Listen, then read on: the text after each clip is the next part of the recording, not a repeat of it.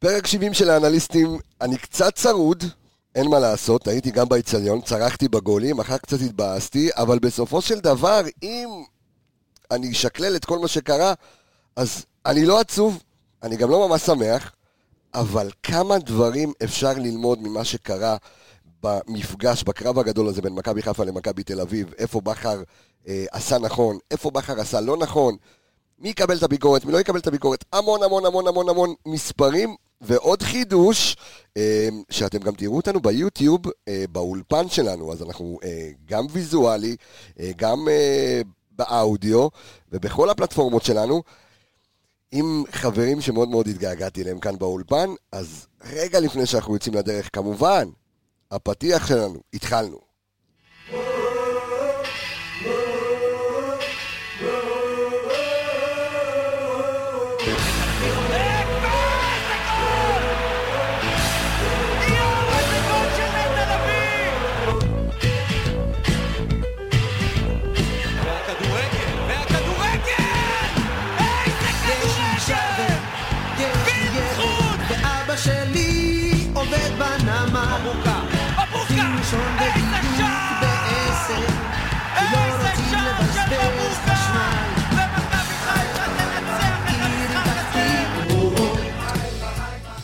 אז אה, לא ניצחנו את המשחק הזה אתמול, אבל אה, בהחלט יש הרבה מה ללמוד, אני רוצה להגיד שלום, ואני אתחיל. עודד שטראוס, עידו שטראוס, עודד שטראוס, למה אמרתי עודד שטראוס? לו, גם עודד שטראוס. יש עודד שטראוס, היה לו יום הולדת השבוע, עידו שטראוס, יותר מדי זמן לא היית פה, שאני אגיד עודד, עידו שטראוס, מה קורה יקירי? אין לי מחלקה. איזה כיף שאתה פה, אין כיף מזה. איזה כיף. אין כיף מזה.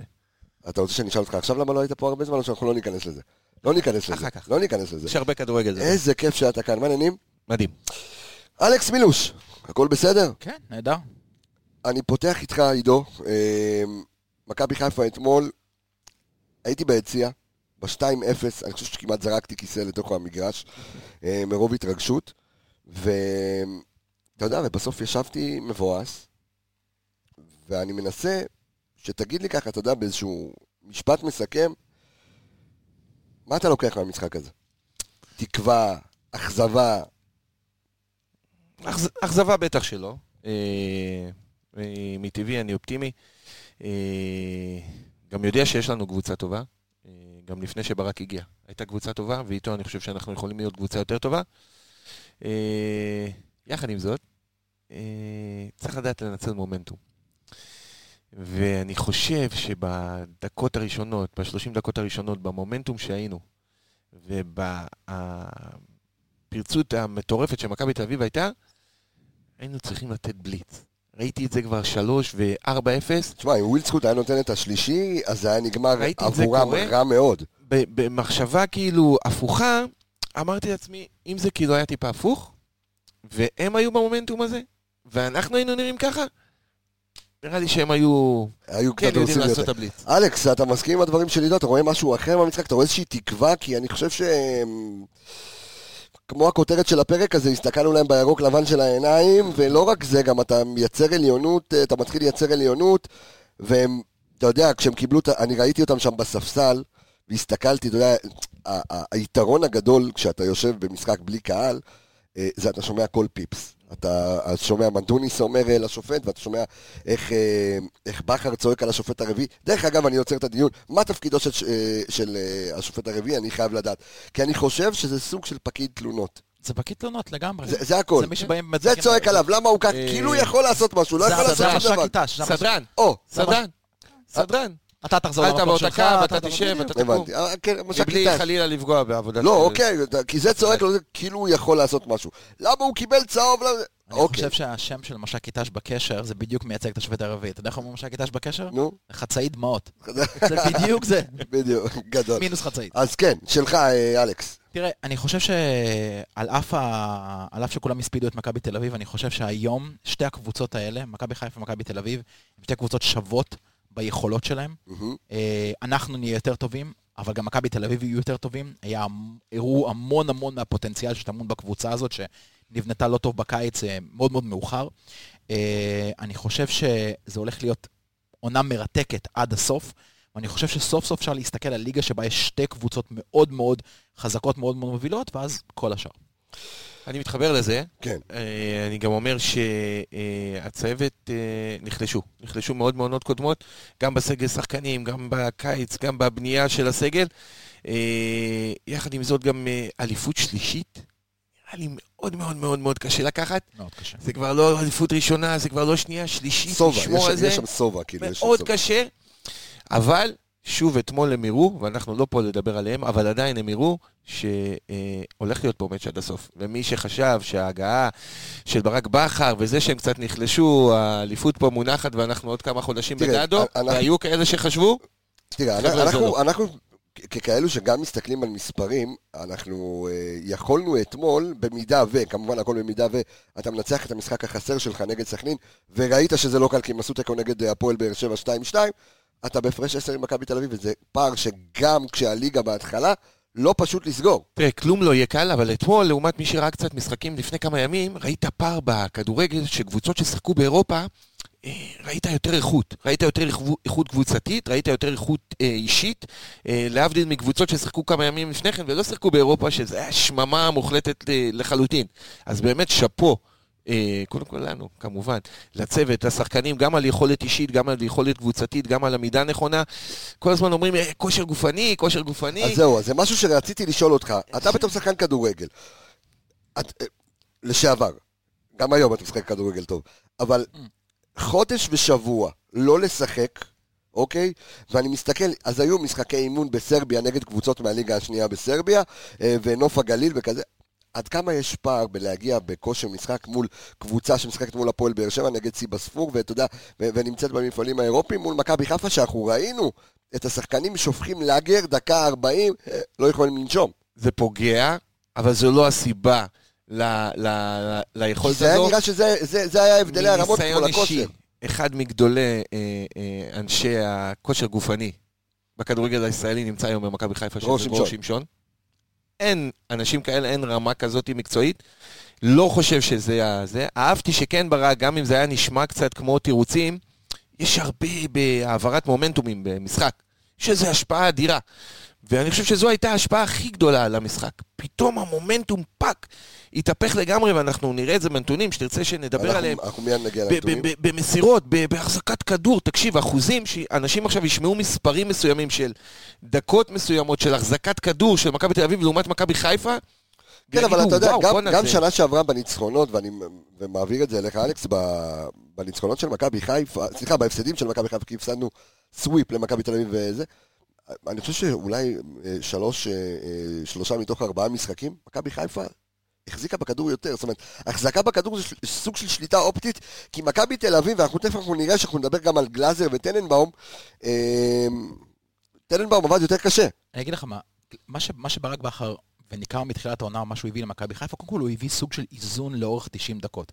מכבי חיפה שנה שעברה הייתה קבוצה של התפרצות. נכון. בעיקר קו מחצית שנייה, או מחצית ראשונה לפעמים, בחלק היותר, ש... היותר מאוחר של העונה. כן. כל הזמן. מכבי חיפה הייתה מתפרצת, ואז היתרון... הורגת שנוצ- את המשחק בכמה בדיוק, דקות. היתרון שנוצר, גם השבירה המנטלית של הקבוצה השנייה בגלל אה, כמה שערים שבאים בזמן מאוד מאוד צפוף, היה נותן לה את ה- פחות או יותר את המשחק. ומה שברק בכר עשה, הוא עשה איזשהו איזון, ומכבי חיפה יכולה להתפרץ במרכאות בכל דקה של המשחק. זה דבר אחד. על אף שאתמול זה גם היה במרווח מאוד קצר. זה דבר אחד. דבר שני, מה שעוד ברק בכר הביא, זה הוא הביא למכבי חיפה סף מנטלי טיפה יותר גבוה. כי מכבי חיפה, אתה רואה אותה לאורך כל המשחקים, גם ב-7-2 נגד uh, טוטנאם, אתה רואה שהקבוצה לא נשברה, ולשחק 4, 4 לרדת במחצית 4-1 זה, זה, זה חתיכת, אתה יודע, זה חתיכת נכון. תוצאה. ומכבי חיפה לא נשברת, ואני גם, אתה יודע, אני ראיתי המון המון אה, אוהדים מדברים היום, וגם אתה ציינת את זה, מה היה קורה אם מכבי חיפה, אם מכבי תל אביב הייתה מובילה 2-0, האם אנחנו היינו מצליחים כן. לחזור. בעונות קודמות הייתי אומר לך, סביר להניח שלא. בעונה הזאת דווקא אני לא חושב שיש איזושהי, איזושהי, איזשהו... תשמע, גם שנה שעברה הם הובילו לא, אני מסכים. 2-0 אני לא חושב והובילו ש- 3-2. נכון, אני לא חושב שלא היינו חוזרים. הנקודה שלי הייתה, אם הם במומנטום שאנחנו היינו, לא היו שמים את השלישי ואת הרביעי. כאילו, פתאום דקה 28-30, וואו, ממש כאילו, אתה יודע, אה, ירדנו נמוך, והיססנו פתאום, וממש יצאנו מהמשחק, והמשחק היה ממש בידיים שלנו. בשביל זה אני חושב. שזה אולי עניין הם של עשו כושר את כל גופני. השגיאות. ואני רוצה לציין, האפשריות. בהתחלה לחלוטין, ואני רוצה לציין רגע מפתח. אני חושב שכולם מסתכלים על הרגע רגע מפתח במשחק, הנקודת שינוי הייתה החמצה של וילצחוט ל-3-0. אני דווקא שם את הרגע המרכזי שלי במשחק, בדקה 21 עם הצהוב של רודריגז.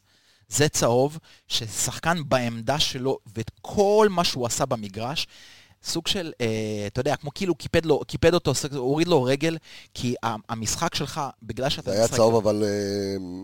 זה היה צהוב, זה זה לא היה צריך להיות זה צהוב. לא היה צהוב, גבולי- צהוב. גבולי מינוס. גבולי כן. מינוס, והצהוב הזה מאוד מאוד טרף את הקלפים, כי רודריגז מעבר לכושר ומעבר לתפקיד הכל כך כל כך קריטי שהיה לו במשחק אתמול, לשחק עם צהוב ולהיכנס לכל המאבקים האלה, אתה הופך להיות קצת יותר זהיר, קצת יותר שונה, כמובן. והדבר הזה, מבחינתי, הוא היה נקודת המפנה. ואני כן חייב להגיד, ואולי הייתי צריך להשתמש בזה בתור הפתיח שלי, אני חושב שהמשחק אתמול הוכרע על מה שמחוץ למגרש, על המאמנים. אני חושב שמי שהפסיד אתמול את המשחק, וכמה שלא נעים לי לבוא ולהגיד את זה, זה ברק בכר. וברק בכר אתמול במשחק קצת אישש לי את החשש שהיה לי כשברק בכר הגיע. כי כשברק בכר הגיע למכבי חיפה, אנחנו דיברנו על הרקורד המצוין שיש לו כמאמן באר שבע, ואנחנו גם דיברנו על הרקורד הבעייתי שהיה לו כמאמן באר שבע נגד מכבי חיפה. במשחקים נגד מכבי חיפה, הרקורד שלו, ודיברנו על, על, על, על, אתה יודע, הכוכבית הקטנה הזאת שעופפה מעל ברק בכר, ולצערי הרב, הניהול של ברק בכר אתמול במשחק היה תמיד צעד אחד אחרי דוניס. תמיד צעד אחד אחרי דוניס, משהו שגם התלוננו על... לא, לאורך כל המשחק, עד דקה 30, כי הוא היה המון צעדים עד- לפניו. עד דקה 30, לא, הוא לא היה צריך, עד דקה 30 ברק בכר ניצל בצורה אה, מוחלטת את כל הטעויות שדוניס עשה מתחילת המשחק. אני לא חושב, אז זהו, אז פה אני רוצה להיכנס קצת לתוך המערך, ואני חושב שאתמול ראינו את ברק בכר, ופה אני באמת זוקף לזכותו, כי קודם כל סוויפ לא יהיה השנה, אבל אני אומר, ברק בכר עלה במערך גאוני אתמול. זאת אומרת, הקרנבל שהוא עשה לדוניס בראש, וזה נורא הזכיר לי גם את מה שהוא עשה ליוסי אבוקסיס, זה שהוא שינה מערך אחרי שלוש דקות בלבד. זאת אומרת. אה, דוניס ומכבי תל אביב לא הבינו מה התפקיד של רודריגז. אני, הוא בלם שלישי, אני הוא נוטה- קשר, אני הוא שש, נוטה- הוא שמונה. אני נוטה להחמיא לו על זה. אוקיי. אני לא חושב שהוא פתח איתו קשר אחורי, ואז פתאום אחרי שתי דקות הוא שינה ל...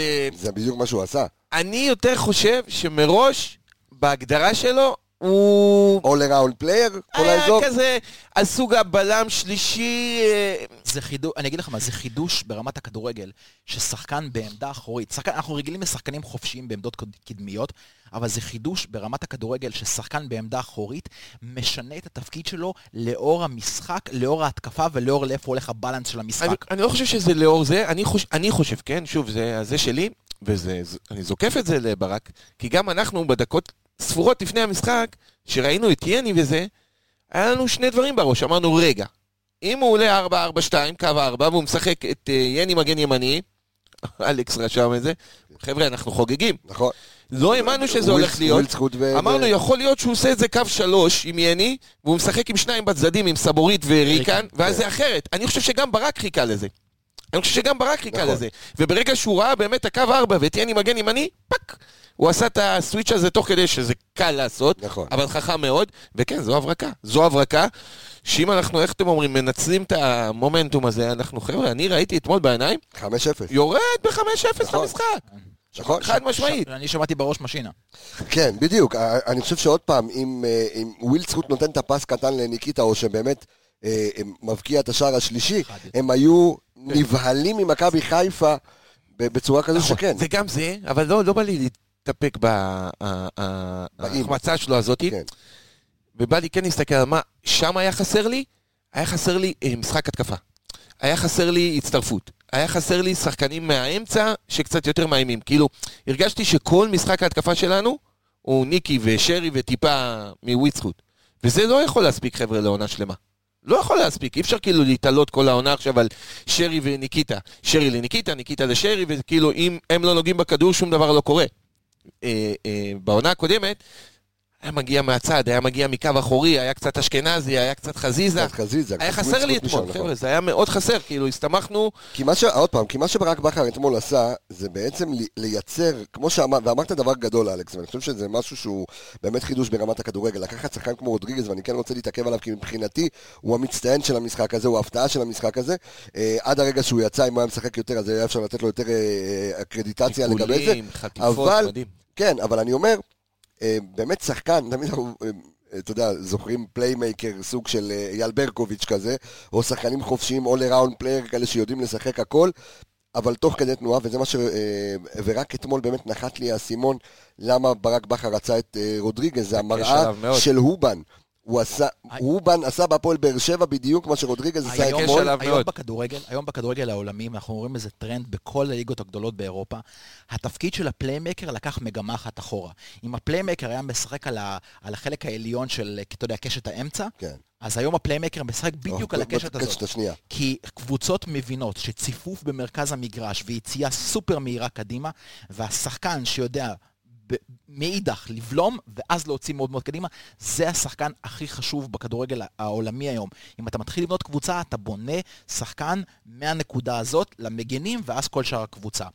ובכר ידע שלהביא לפה גרזן קלאסי שידע לבלום וזהו ותו לא ולא ידע להוציא את הקבוצה קדימה, לא יהיה מספיק טוב למכבי חיפה, או שחקן יותר יצירתי, יותר סטייל יובל אשכנזי, גם לא יהיה מספיק טוב. הוא חיפש שחקן בלנס ורודריגז נותן לו את הבלנס הזה.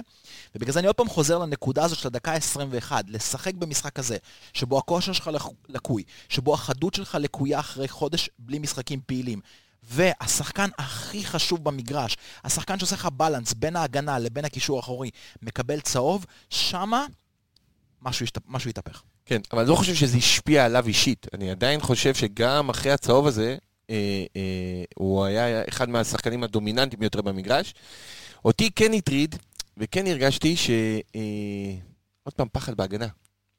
עוד פעם, שמשהו לא מתחבר לי עם התיאום בין הבלמים. פלניץ' חבשי... עוד פעם נכנסים לי בגולים באמצע, וזיבלחים כזה, וההוא רוצה- נופל לי, וזה לא עומד לי נכון, אז אני רוצה רגע לדבר איתך... ושהוא לא התחבר לי שם, וזה ו- וזה זה הדאיג אותי, זה מאוד הדאיג אותי, זה על הבלמים, ועל אה, משחק המגינים. אז רגע, אז, אז בוא נעבור שלב שלב, כי אנחנו כרגע בחוליית ההגנה, כי דיברנו על רודריגז, כן, רצית להגיד משהו על כן, חוליית ההגנה? אני רוצה לדבר לגבי, לגבי הבלמים.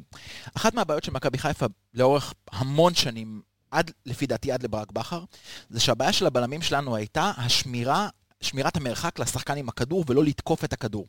אתה מכיר את העמידה הזאת של הבלם שעומד רק לא לקבל את היד ברחבה? אוקיי.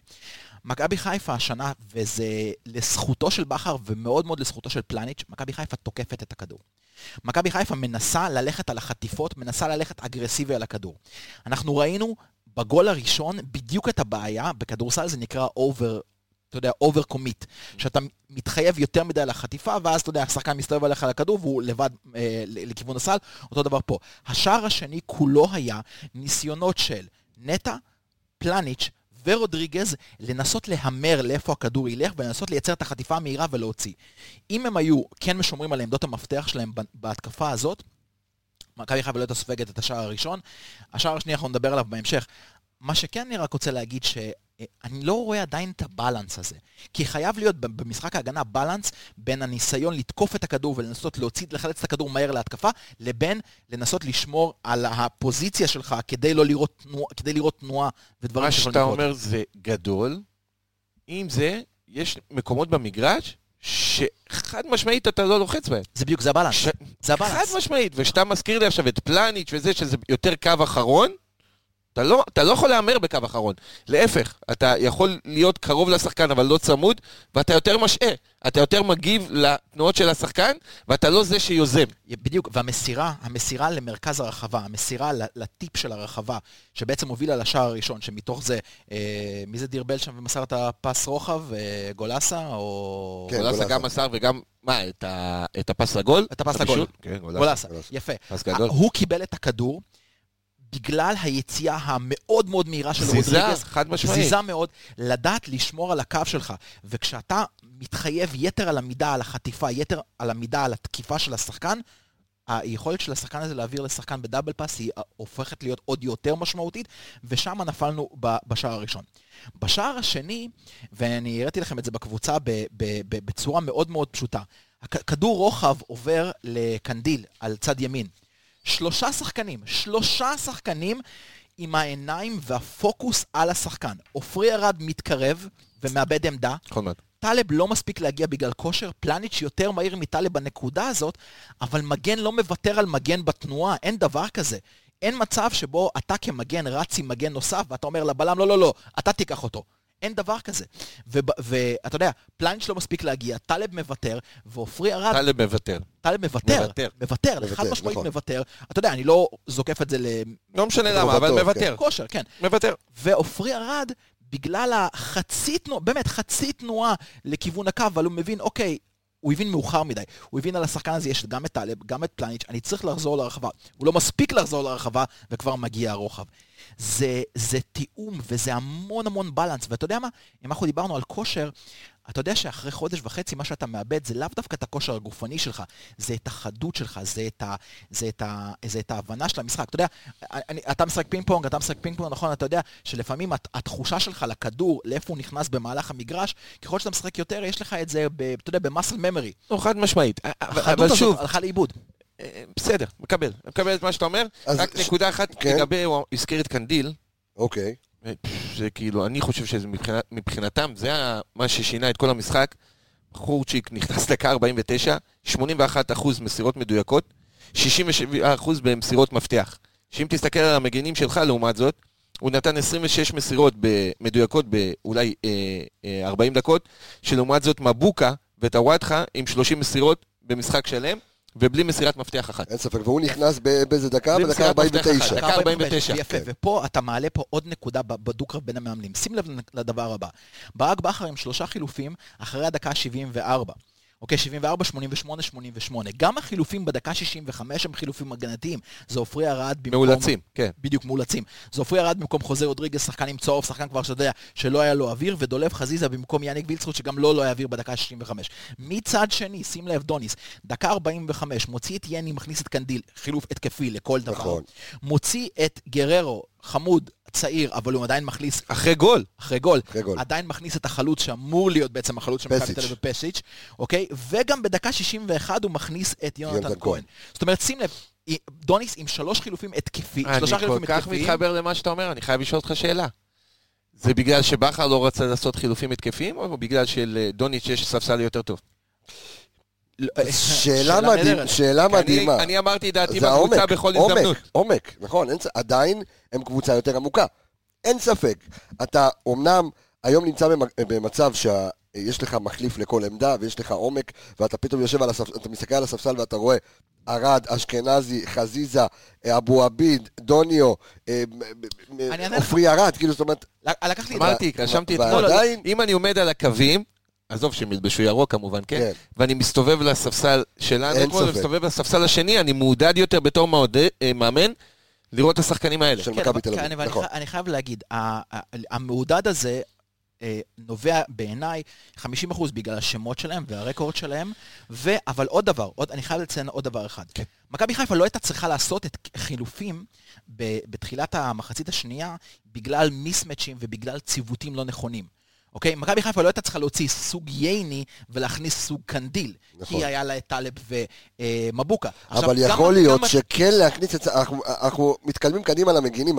שנייה, רגע, אני רוצה לאסוף רגע את עצמנו, כי אנחנו כן נדבר על זה, כי אני אה, אה, כן חושב שסן מנחם כבר היה צריך להיכנס דקה 50, אבל בסדר. אבל בוא רגע שנייה אה, נדבר על, אה, דיברנו על רודריגז מקודם, אז אני רוצה ככה לסיים את הנושא שלו, כשהוא אה, אתמול מאוד הרשים הגנתית, כך אה, אומר לנו האנליסט שלנו ככה, חמישה אה, תיקולים אה, וחמישה מוצלחים.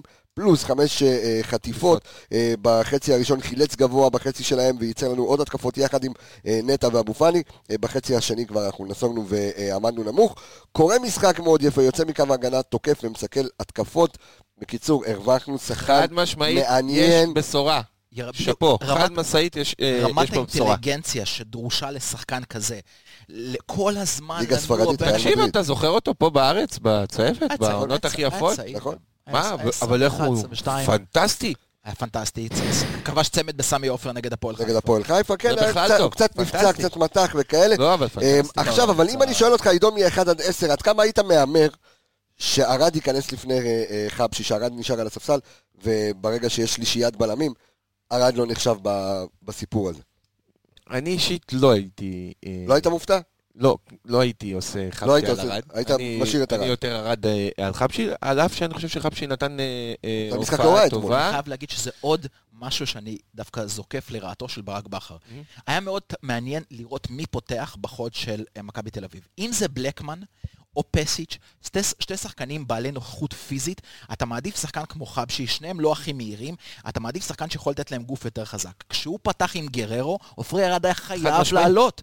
חייב לעלות שחקן יותר, שיכול לקחת את השחקן הזה מבחינת יותר מהירות, יותר תנועה של הגוף. וגם לעזור יותר, לא היה נכון. וגם לעזור יותר קדימה במסירות המדויקות שלו. בגלל האוריינטציה של עופרי ארד, שהוא יודע לשחק יודע לשחק קדימה. עם הרגל, יודע לצאת קדימה, יודע לתת פסים, ואם תשים לב, אגב, פלניץ' אתמול עם אה, 12 עיבודים, אפרופו בלמים שמניעים כדור, כן. מתוכם אה, אה, חמש בחצי אה, שלנו. אנחנו תכף אנחנו נדבר גם על, על הדברים זה הטובים שלו. המון, לא, בסדר, אבל זה זה המון, המון שאנחנו מדברים ב- כי אתמול, בנוגע ל... כי אתמול יחסית להתחלה שלו, לא, שם, הוא- הוא- טוב הוא- מאוד. אחי, היה- היה הרננדז, משחק טוב. הרננדז, לעומת זאת, ב- אה, בצוות, 100 אה, אה, מסירות אה, מדויקות, אני חושב הוא עומד על אה, 100% במסירות שלו. מצד זאת אומרת, שני, פלניש ב-36 מסירות. נכון, גם אם תגיד לי שזה מצד הוא עומד על 96 אחוז. 96 אחוז. 96% זה נהדר, מצד שני הוא החליק בשער של... אתה מבין? אז זה בדיוק הנקודה. לא, אבל דיברנו נקודתית על אה, הנעת. כדור, לדוגמה. אני חושב שהרד היה תורם יותר ב- אני אבל אה, שמח מאוד בנושא הזה. שאתה מעלה את זה, כי אני חושב, אני, אני חושב שזה היה צריך להיות אולי בפתיח שלך, אני חושב שזה צריך להיות הפרמס לכל הפרק הזה. הנה הנתונים, אוקיי? הנתונים אומרים המון דברים, ובאותה מידה הם גם לא אומרים שום דבר. אוקיי? יש, אתה יודע, יש משפט מאוד מאוד מפורסם, אה, אתה יודע, ההיררכיה של הדברים, יש, אה, סטטי, יש סטטיסטיקה, סטטיסטיקה, כאילו יש שקרים, שקרים מוחלטים, ואז סטטיסטיקה. סטטיסטיקה. אוקיי? זה, אוקיי. זה משפט מאוד מאוד ידוע. את כל הדברים האלה צריך לבוא ולנתח. פלניץ' איבד 12 כדורים. אוקיי, המון. המון. וחמישה מהם היו בחלק שלנו. נכון. עד לפה, הכל בסדר גמור, נתון לא, שלא נראה טוב. השאלה היא כזאת, כמה אופציות מסירה פתחו לו שחקנים, כמה תנועה שהשחקנים בקישור האחורי שלנו נתנו לו כאופציה, וכתוצאה מזה נולד העיבוד כדור. באותה מידה, פלניץ' יכל לעמוד על אחוז הרבה יותר גבוה של מסירות, אם הוא היה מתמסר בין הבלמים. אנחנו זוכרים את זה עם אה, דו סנטוס וגרשון שמתמסרים ביניהם חמש דקות. כן. אבל- זה מאוד מאוד מאוד מאוד מאוד משקר. בלם ח... מאוד מאוד תלוי באופציות שיש לו בקישור שזה האחורי. 20 מסירות יותר. 100 ל-30 זה כבר מראה על איזושהי אה, מגמה. זה, זה, אתה יכול לחבר את זה לנתון שהביא אחד האנליסטים, סליחה, אתה תגיד מי, כי בהחזקת כדור, בין הדקות 60, בין דקה 60 לדקה 75, יחס החזקת כדור, 70 ומשהו. 80-20. 80-20. וגם, וגם בנקודה הזאת... לא, זה לא גם בנקודה הזו, מילוש, כי זה לא היה מסירות מאחורה. לא, לא, לא, לא. זה קבוצה מסכים. שרצה ותקפה, ואנחנו ירדנו נמוך והתגוננו ולא יצאנו, וגם, וגם שם היה חסר לי קצת איזה אופי. חסר מנהיג. מנהיג. בדיוק. איזה ארס. אני מסכים. חבר'ה, בואו, רגע, הכל בסדר, משחק שלנו, מה קרה? 2-2, עוד לא נגמר כלום, עוד לא... היה כזה עוד פעם כזה. ו- ודווקא בדקות אני- האלה חזיזה נכנס וציפיתי ממנו לחוצפה הזאת, ציפיתי ממנו לעשות את הדבר הזה. הרגשת אותו? והוא לא. לא, את שניהם לא הרגשתי הרגשתי. אני רק רוצה לספר שנייה, אני עושה איזשהו הולד, אה, ואני, כי אנחנו? נמצאים כאן עם מלא נתונים, ואני רק רוצה ושמח לבשר גם למאזינים שלנו, אה, וגם היום לצופים שלנו, אה, שפודקאסט האנליסטים חתם אתמול על הסכם עם אינסטאט, חברת הנתונים אה, מהגדולות בעולם. אה, יש היום אה, שלוש חברות נתונים הכי מהגדולות בעולם, שזה אופטה, שזה אינסטאט ושזה וואי סקאוט, אז אנחנו, אה, אז חתמנו אתמול איזשהו הסכם. אחוזים, ואנחנו, אה, לא, אנחנו. אנחנו כל, כל הנתונים, אנחנו, החל גם מהפרק הבא, אנחנו אה, נהיה חופשיים לקבל את כל הנתונים וכל הפרמטרים ודברים באמת מטורפים. אה, והאנליסטים שלנו שלמדו, למדו אצלנו במכללה והם יודעים להתעסק עם כל הנתונים הללו, ואנחנו נוציא לכם באמת פרמטרים מאוד, מאוד מעניינים. אני חייב גם לציין שאתה יודע, לצורך העניין יש גם פערים, כי... הם, יש דברים שראינו בדוח של המינהלת ושל אינסטאט, ובדוח. של וואי סקאוט יש, אז עוד פעם, אז, אז אפשר לראות מגמות, אפשר לראות כאילו, אתה יודע, דברים קרובים, דברים פחות קרובים, אבל uh, לגבי, uh, לגבי פלניץ', שמה שאמרנו, ראינו אותו באמת אתמול במשחק טוב, אפשר... Uh, אפשר... יותר טוב מהקודמים. תשמע, נגד רוסטוב ראינו אותו במשחק מצוין. כן, לא, אבל אוקיי, זה- נגד לפני כן היה לו כמה משחקים פחות טובים. לא, הוא הוא לא שיחק, רוסטוב זה היה המשחק הראשון שלו, מה זה הוא לא שיחק? רוסטוב, רוסטוב זה המשחק הראשון שלו. פלניץ'. לפני כן הוא לא שיחק. שיחק עד- פ- רוסטוב, טוטנהאם טוטנאם, במשחקי ו- ו- וזהו, במשחקי האימון. אז הוא לא... אז במשחקי האימון קצת ראינו אותו פחות טוב, אבל אה, פלניץ' במשחק נגד אוסטוב היה מאוד טוב. גם אתמול ראינו אותו באמת יורד לגליצ'ים מדויקים. אה, דן ביטון קצת עשה לו סחרחורות טיפה, טיפה, אבל בסדר, אבל עניין של להתרגל. אה, לא, אני מקווה שלא אה, נהרוג, אה, שלא, האוהדים שלנו לא יהרגו בלמים, כמו שעשו לאיולפסון, ואחר כך אה, נהיה... אין סיבה, אני חושב שלמראית עין, לאוהד הממוצע, בעין בלתי מזוינת, כמו שאומרים, כן. פלניץ' נתן אתמול משחק, משחק מעולה. נכון. כשאנחנו יורדים טיפה לנתונים ואנחנו מסתכלים, אתה יודע, ב- ב- ב- בס- בזכוכית מגדלת על הנתונים, אז אנחנו מסיקים דברים אחרים. אבל פלניץ', למראית עין, מי שיזכור את פלניץ', יזכור את הפריצה של, אה, אני חושב, דן ביטון מצד ימין, ואותו גולש ולוקח אותו כדור. לא, משחק טוב. גם, גם עם הנתון של העיבודים וזה, זה לא היה בשביל, אתה יודע, לבוא ולהגיד שלא היה לו משחק טוב, משחק טוב. גם לא חושב שהיה מישהו שאני יכול אה, לשים עליו אצבע ולהגיד שהיה לו, אתה יודע, משחק נוראי. זאת, זה, זה גם היו בינוניים והיו פחות מבינוניים. וזאת עוד אינדיקציה ל- למה שהולך להיות בהמשך העונה הזאת. מכבי חיפה חיזקה את קו ההגנה שלה עם פלניץ', מכבי תל אביב מצאה מחליף נהדר לעמדור, אוקיי? שאני לא חושב שנופל ממנו, עם, עם הרננדז. ו- ו-. ואני חושב שבסופו של דבר, ב- ב- באספקט הזה, מה שיכריע בין הקבוצות זה תמיד מי יהיה השחקן שיצטרף. כי מי שיצטרף להרננדז או טיבי או יני או מי שזה לא יהיה שם, מי שיצטרף לפלניץ', בין אם זה יהיה עופרי או חבשי, בשילוב שם, ככל שהקשר והתקשורת בחוליית ההגנה הזאת יהיה יותר חזק, הקבוצה תרוץ יותר. אני רוצה עוד דבר אה, לזכותו, כי אתה נתת דברים לחובתו של פלניץ', אז עוד משהו לזכותו של פלניץ' מעבר למשחק, אה, אבל לגבי הנתונים, אז אה, אתמול הוא עשה, ביצע שבע חטיפות, אוקיי, שהממוצע שלו מאז 2015 שש. עומד על, בדיוק, על שש, והוא, והוא ניצח ב-13 מתוך 14 מאבקים, שזה. יפה מאוד. אני רוצה- שזה- אני רוצה רגע לחזק את הנתון כן, הזה שלך. כן, חמש מתוך שבע החטיפות האלה היו בקריאה נכונה של מהלך המשחק והקדמת השחקן לכדור. נכון. זאת אומרת, אתה רואה את קו המסירה, אתה יודע לחתוך נכון, ואתה חוטף את הכדור בלי תיקול, בלי מאבק הגנתי. שתיים היו אה, על ידי מאבק הגנתי. זה מדהים. מצד שני, שוב, כמו שאמרנו בהתחלה, over התחייבות לחטיפה הזאת, over ציפייה לאיפה המסירה הולכת להיות, משאירה אותך חשוף מאחורה. אם אין לך את הבלם שידע לסגור לך אלכסונית ל- ליציאות שלך לחטיפה, אתה תישאר חשוף. בדיוק כמו שהיינו חשופים בשער הראשון. טוב, אז בואו נעבור, אה, אז דיברנו על פלניץ', דיברנו על אה, חבשי קצת, נדבר על ארד, כי... אה, על ארד? כן, כי ארד, אני חושב שאתמול, קודם כל הגול השני חטפנו באשמתו. אה, אי אפשר, אה, סוג של... הוא שלושה שחקנים אשמים הוא שם. וגלאזר, באותה כן. שניים, הוא יותר, הוא יותר מה קצת זה. כן, קצת יותר היסס, אני חושב, ואני... לא, מיקום לא טוב, ואני- ואני מת על עופרי. שלח את הרגל ההפוכה, קורה, כן. שופרי קצת הופתע אתמול שלא פתח. אז זהו, יפה, אמרת את זה בול. אני חושב שעופרי, אה, ואני אוהב אותו גם חבר, אני עובד איתו לא מעט, ואני חושב שעופרי, מעבר לזה שהוא שחקן מצוין, אה, היה אתמול עניין מנטלי. כי, יכול להיות. כי אתה, הסתכלתי, ושוב, כשיושבים ביציע, אה, וכשאין גם אחר. קהל, אתה שם לב. ודרך אגב, השחקנים לא יושבים על הספסל, הם עולים ליציע כי הם צריכים לשמור על. מרווחים, והם יותר קרובים לאיפה שאנחנו יושבים, ואתה יכול גם להסתכל ולראות את ה... וראית שעופרי באמת היה מאוד כאוב על זה שהוא לא פתח. כן, גם, הש... אומרת, גם אתה יודע, השידור עוקב אחרי הכדור, ואתה מהיציע יכול להסתכל ולהתמקד בשחקן, ואתה רואה את הניואנסים הקטנים נכון. שקורים. בלי שהכדור נמצא באזור. אתה מבין, זאת אומרת, היה לו מאוד מאוד קשה, וגם כשהוא נכנס, כי אתה יודע, בסופו של דבר, אתה יודע, שחקן ש... אה, שני חברים שלו שיחקו בנבחרת ישראל, והוא שיחק בנבחרת ישראל, ופתאום, עכשיו. שחקן נבחרת ישראל. צריך להבין איפה הוא יפה, נמצא. זהו, רציתי את המניפסט שלך. והכל בסדר, ויש פה שלושה בלמים, ולפעמים ישחקו שניים, ולפעמים ישחקו קו שלוש, ולפעמים הוא ישחק, ולפעמים חפשי לו, ולפעמים פלניץ' לו, ולפעמים רודריגז לו, וזה בסדר גמור, ולא צריך להיות אה, אבי נעלבי, כי אתה רואה בסוף חלילה זה יכול רק לפגוע, ולעלות לא אבל מרוכז. זה, זה ו- אספקטים של שחקן צעיר. בסדר, אבל הוא כבר שחקן- גם לא כזה צעיר, די. אני, אתה יודע, אני חוזר שנייה. איזה עונה זו בבוגרים? שנייה. שנייה, אני חושב שכל לפני כן בנוף הגליל, כן, ו... הוא כבר לא אני, צעיר.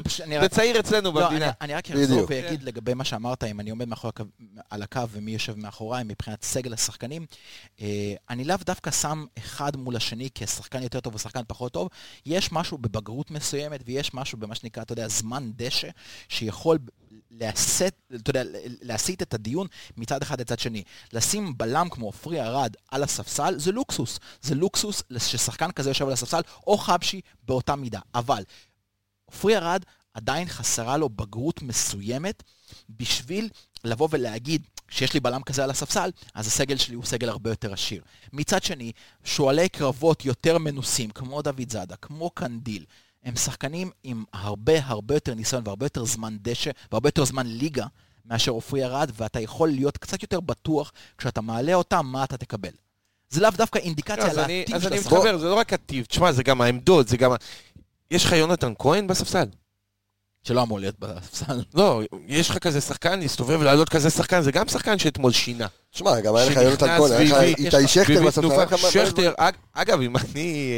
אה, אה, דוניס? לא, פותח לך עם גררו. הפתעה גמורה. חד משמעית לא, או בלקמן או שכטר, שכטר הרי היה מציק, היה יושב לך פה, היה כן, כ- נופל, היה... כנראה- שיש שם עניינים, אתה יודע, אה, לא סתם... לא, יש וירי הריאל, לא, יום ו- חמישי. לא, וזה גם שמעתי את קופר, אני חושב שלא אומר? סתם איביץ', אתמול הוא- ישב איתי במשחק, ולא סתם איביץ' ייבש את יונתן כהן, וייבש את שכטר, וכנראה שאצל דוניס זה, זה דברים. כנראה ש- שחוזרים, שחוזרים על עצמם. אני רוצה לנעול- את עניין ההגנה. עם אה, נושא מאוד, אה, לא, לא, לא, לא. אה, אנחנו נדבר, תכף נדבר גם על מבוקה וטלב, כי אנחנו רוצים להתקדם, אנחנו כבר מדברים מלא ולא נתן לנו הרבה זמן. די, מה אתה מקצר, נו? גלאזר, שכן, אני רוצה לשמוע. אתמול ג'וש כהן אומנם החלים, אבל לא עד הסוף, ולא רצו לקחת ריזיקות, ועמרי גלאזר עשה מחנה אימונים טוב, רגע, רגע, ההחלטה היא היא מקצועית? מקצועית. או- מה זה? מקצועית. מה זה? מקצועית. לא, אז אני אומר, החלים, אני חושב-. מה, אתה- מה אתה חושב על גלאזר? ורגע, אני רוצה לתת נתון, נתון אחד, אוקיי? של טננבאום מול אה, עמרי גלאזר, אוקיי? ברמת המסירות, דיברנו על מסירות. מסירות מדויקות, שימו לב, דניאל טננבאום עם 33 מסירות, 33 מדויקות. 100 אחוז. גלאזר, 35 מסירות, 25 מדויקות, עומד על 71 אחוז. זה היה נראה קצת, אתה יודע, שהוא נורא נבהל. תשמע, על קצה הלשון שלך, אני רואה. קודם כל אני בא ואומר דבר כזה, ג'וש כהן ב-70% כושר היה אמור לפתוח. זה דבר ראשון. דבר שני, מכבי חיפה, עד כדי כך? כן, כן. מכבי חיפה סובלת מהעובדה שהיא מהמרת על שוערים צעירים. פיק של שוער מגיע אחרי גיל 30. פיק של שוער, מ-27-28. בגרות של שוער מגיעה בגילאים האלה. כן. כשאתה מהמר על שני שוערים צעירים, זה מה שאתה מקבל. אתה מקבל ברכיים רועדות במשחקים במעמד הזה. וראינו את גלאזר לא בטוח. עכשיו, מישהו העלה את זה, וזה זה כורח הנסיבות, אבל מישהו העלה את זה. אתה, ברק בכר, פותח נגד מכבי תל אביב עם שלושה שינויים בהגנה שלך, שלושה שינויים שלא אה, היו עד כה באף משחק. גלאזר בשער, חבשי עם אה, פלניץ', שבדרך כלל זה שלישי.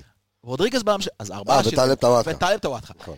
יש גבול מסוים לכמות השינויים שאתה יכול לחולל בהגנה לפני משחק כזה, בטח מול קבוצה שרצה בצורה רציפה בחודש האחרון, ואתה לא. וגלאזר, כמי שאמור להיות האדריכל, כולנו זוכרים שוערים גדולים, גם במכבי חיפה וגם באירופה, ששולטים על כל ההגנה שלהם כמו מנצח שולט על תזמורת. וגלאזר לא שולט, גלאזר הוא סביל, הוא מושפע ממה שקורה. אתה אומר- אומר כאן נקודה מעניינת, כי אם אתה רואה את השוערים החדשים בעולם, טרשטגן, אה, נוייר, עוד פעם, לא, עזוב את ההשוואה, כן? אבל הם גם מתפקדים המון כבלמים, כבל- כמו בלמים. חד משמעית. הנדלוביץ'. קדימה, בדיוק. כדורגל קדימה, של היום, השוער, וראית את גלאזר הרבה הרבה על הקו, מקבל כדורים, בועט. עכשיו, אני חושב שזה גם היה חלק הוא גם מהשיטה. ידע את זה. הוא ידע שזה מה שהוא יקבל ברק. זה לא שהוא חשב שהוא יקבל פתאום את גלאזר אני, במשחק רגל. אני חושב אבל שזה גם היה, אה, גם, היה- אני חושב שזה גם הייתה הטקטיקה בהתחלה. כאילו יותר גלאזר ולהעיף קדימה, לא להתחיל אה, להתמסר וכאלה, כי הוא יותר, אתה יודע, בעט כדורים קיבינימט. שמע, אבל אם, הוא, אם, אם, אם זה היה עניין של באמת אה, לא עברי, וזה עניין שהוא כאילו על- בריאות ולא רצו לסכן, אז אפשר להבין. וזה לא... אבל בסדר, אבל אני אומר, אבל עדיין, אנחנו רוצים לנתח את המשחק של השוער, כי, כי זה השוער השני שלך, כי השפיע זה השוער מאוד, השני שלך. השפיע מאוד. אה, אני חושב שנתתם פה נתון מדהים. לא, לא שמעתי, לא חושב שאני אשמע למרות שאני את ה- את זוכר, הנתון הזה בעוד מקום, אני לא רואה שוב. אנשים בכלל מתייחסים למשחק רגל של שוער. באמת, שאפו נכון. לכם, לחבר'ה באנליסטים שהגעתם לנתון הזה, נתון אדיר, ש, אה, אה, שאומר המון, אחי, אלכס, אה, אין, אין מה להרחיב על מה שהוא אמר. אני גם יכול להגיד לך עוד דבר, יש, אה, היה שינוי בחוקה. היה שינוי בחוקה שאתה יכול למסור לשחקן בתוך הרחבה. אתה יודע, שינוי של השנתיים כן. האחרונות, יפה. אתה רואה למשל שוערים מסוימים ו- וקבוצות מסוימות שגם משחקות עם קו שלוש מאחורה, כמו אינטר, כמו יובנטוס, שמשחקות עם השוער כאילו עוד שחקן שדה. נכון. ההתמסרות, ב, ב, ב, ב, ב, אתה יודע, בקו ההגנה, ממש, ממש בתוך הרחבה, הופכת להיות כלי מרכזי לנטרול כמה שחקנים שבאים לעשות לחץ ויציאה קדימה. אתה ממש משאיר שניים, שלושה שחקנים מאחורה. אבל בשביל זה שוער חייב להיות עם משחק רגל וחייב להיות קר רוח ברמה חד אחרת. משמעית. ואתה יודע מה? אני לא מבין את הדבר הזה שבליגה הישראלית שלנו נהוג, שבו אם השוער נמצא בתקופה פחות טובה, הפתרון לזה זה ספסל. זה לא, זה יכול להיות אולי עם כל שחקן במגרש, זה לא יכול להיות עם שוער. אתה לא תקבל משוער משהו יותר טוב אם הוא יושב רגע על הספסל. אני חושב שהם היו צריכים להמשיך עם ג'וש כהן, ולהמשיך לתת לו את הביטחון, ולהמשיך להאמין בו כשוער בהפרודה הראשונה. מה שהדבר הזה עשה, זה שם את גלאזר בסיטואציה מאוד מאוד בעייתית, מאוד מאוד קשה, וגם זה, בינינו, זה גם לא עזר לג'וש כהן יותר מדי. לא, זה לא שהוא לא במשחק. הבא יהיה, פתאום יהיה יותר טוב, פתאום הוא יתקן את הליקויים שיש לו מתחילת העונה. טוב, אז אוהד כדורגל כן. שצופה כל כך הרבה שנים, לולא המספר הזה שקיבלנו אחרי המשחק, הרגשת את זה? הרגשת שהשוער ש- אה, שלהם פוגע ברגל ב-100% ושגלאזר באחוז כזה נמוך במסירות? פחות, נכון? פחות, מדהים. פחות. כאילו, זה- תקשיב, זה מדהים. הרגשת זה- שגלאזר זה היה זה? הרעיון- זה של הפודקאסט זה שלנו. מדהים אבל, אתה קולט? זה כאילו. זה לא משהו שאתה... איזה כיף זה- שאתה פה לתת לנו פרופורציות, לא, באמת, אח שלי. זה לא... מצוין. איך איך הייתה ההופעה של טלב אה, אתמול? אה? אני אוהב את טלב. כן. אני אוהב את טלב, אני אוהב את הסגנון של המשחק, אני אוהב גם את ה... קצת הקטנות טרש- שלו. טרשטוקים כן, כאלה, הוא אוהב את זה, שזה- זה- זה- זה- הרוע הזה היה חסר. אוהב, והוא ארס. כזה שבא ראש בראש ל... ל- אלכס אוהב של כן. מרס, אבל כן, הוא ארס ארס. אה, כזה, זה מצוין. עובר לי טוב. אה, אה, גם שחקן, אה, אני באמת רואה שיהיה יהיה חיבור מדהים. אני רק מפחד, וראינו את זה קצת אתמול, והוא גם אמר אה, אה, אה, שטלב לא חזר. אני רק לא רוצה שהוא כאילו יעגל פינות, אתה מבין? אני רוצה אותו חרוץ. אני לא רוצה אותו אה, אה, מזלזל טיפה, או... בעל- או- בא עם תמיד הכוכב. כן. לא רוצה את זה. אז זה- לא דרך רוצה, אגב, לא, אני- אז אני זה- חושב זה ש- לא מתאים לאופיו. אם- השנים הטובות שלו היו, שהוא היום פאק, פאק. אני עולה, אני דרך אגב חושב. ש- דרך הוא מדהים, סליחה, כן, כן. הוא מדהים לקו שלוש. הוא מדהים לקו שלוש, חיכינו לזה, דיברו על מרקו וזה, ו... אי אפשר לעשות קו שלוש עם, אה, אה, אה, בלי לפגוע, רז מאיר וסן מנחם. כן אפשר ללכת ולעשות קו אה, שלוש עם, עם אה, טלב מבוקה ב- ועם אה, מבוקה. ואנחנו נראה את זה במהלך השנה, ואנחנו נראה את זה ביג טיים. כן, סינונים, אני חושב שאם אני מסתכל על, על טלב, ואני ככה נכנס יותר קצת לפינה המנטלית, ואני חושב שטלב טוואטחה, כאילו הכניסה שלו, אתה יודע, אתמול הסתכלתי עליו במגרש, כאילו השחקן משחק פה כבר הרבה זמן. אף פעם לא כאילו עזב. לא היה פה, בוא נסתכל איך הוא, לא הוא, זאת אומרת, היה איזשהו שקט נפשי טלב פה. ברגע שהוא שיחק. בדיוק, טלב כן. פה, אתה יודע שאנחנו נראה ממנו פלוס מינוס מה שאנחנו חושבים שאנחנו נראה ממנו, עם קצת, שנייה רגע, עם קצת כושר יותר, על אף ששוב, הוא לא שיחק מלא זמן, גם בלודו גורץ הוא לא שיחק, וכשנתנו לו את ההזדמנויות בנבחרת, הוא עשה את מה שצריך. אתמול ראינו אותו כבר בדקה 50, שופך לאגר, נגמר לו, וזו ביקורת שלי על ברק בכר, שהוא כן היה צריך להכניס את סן מנחם, יפה. ולהכניס את אה, טלב טוואטחה. אני- מחבר את זה אליך. כן. למה, אם הוא כבר נשאר, אז מה יש להוציא אותו בדקה 88, שלדעתי להכניס אה, אה, מגן, אה, סן מנחם מבלי לפגוע על השלוש. וואו, זה להזמין את הגול. מפחיד, כן. מפחיד, כי בשלוש-ארבע דקות אתה לא, לא יכול בכלל להיכנס למשחק, ופאק, יכול ליפול עליך כטעות אחת שוברת משחק, וגם על שרי. למה לא להוציא את שרי דקה 88? אני אני אגיד לך, זה- זה שתי- זה- אוקיי, זה שתי שאלות שונות. שתי שאלות שונות, שני חילופים בו זמנית, תענה לי. כי, נכון. כי, כי, אלא, עוד פעם, תן לי, אני, אני. רק אענה לך על אתה רוצה- על אתה אלביט. רוצה את שרי או אתה רוצה את מי אתה רוצה? כן. אני, את שרי אני לוקח, אוקיי, את שרי. יאללה. אמ, אני חושב שאם הייתה עוד הזדמנות כדי אה, לנצח את המשחק הזה, ברק בכר חיפש אלמנט של מהירות. אז אני חושב שאם הייתה עוד הזדמנות לנצח את כי המשחק הזה, שנייה, משחק. שנייה, הוצאת אותה החוצה.